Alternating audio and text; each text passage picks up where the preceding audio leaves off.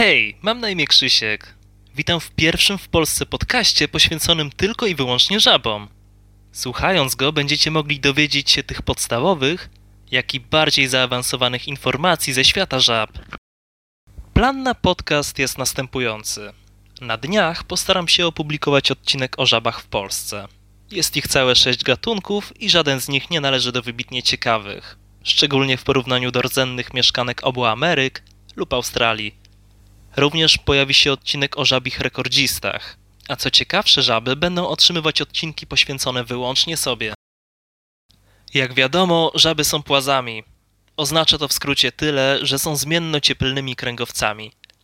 Do żabowatych należy 55 różnych rodzin i ponad 7 tysięcy różnych gatunków, od żab mikroskopijnych mniejszych od 2 cm aż po 30-centymetrowego goliata.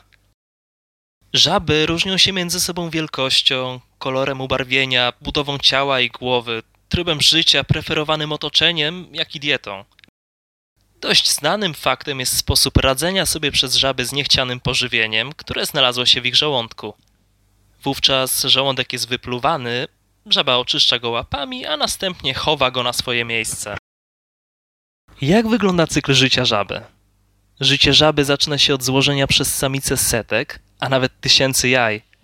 Po około 21 dniach z jaj wykluwają się kijanki. Żaby w postaci larwalnej, pozbawione kończyn i ze skrzelami zamiast płuc. W ciągu następnych tygodni wyrastają kończyny, a skrzela ustępują miejsca płucom. Przemiana kijanki w pełni rozwiniętą żabę trwa około 12 tygodni. Po tym czasie jest ona w stanie wyjść na ląd i zacząć samodzielne życie. Bardzo Wam dziękuję za wysłuchanie pilotażowego odcinka podcastu o żabach. Mam nadzieję, że usłyszymy się już niedługo. Do usłyszenia.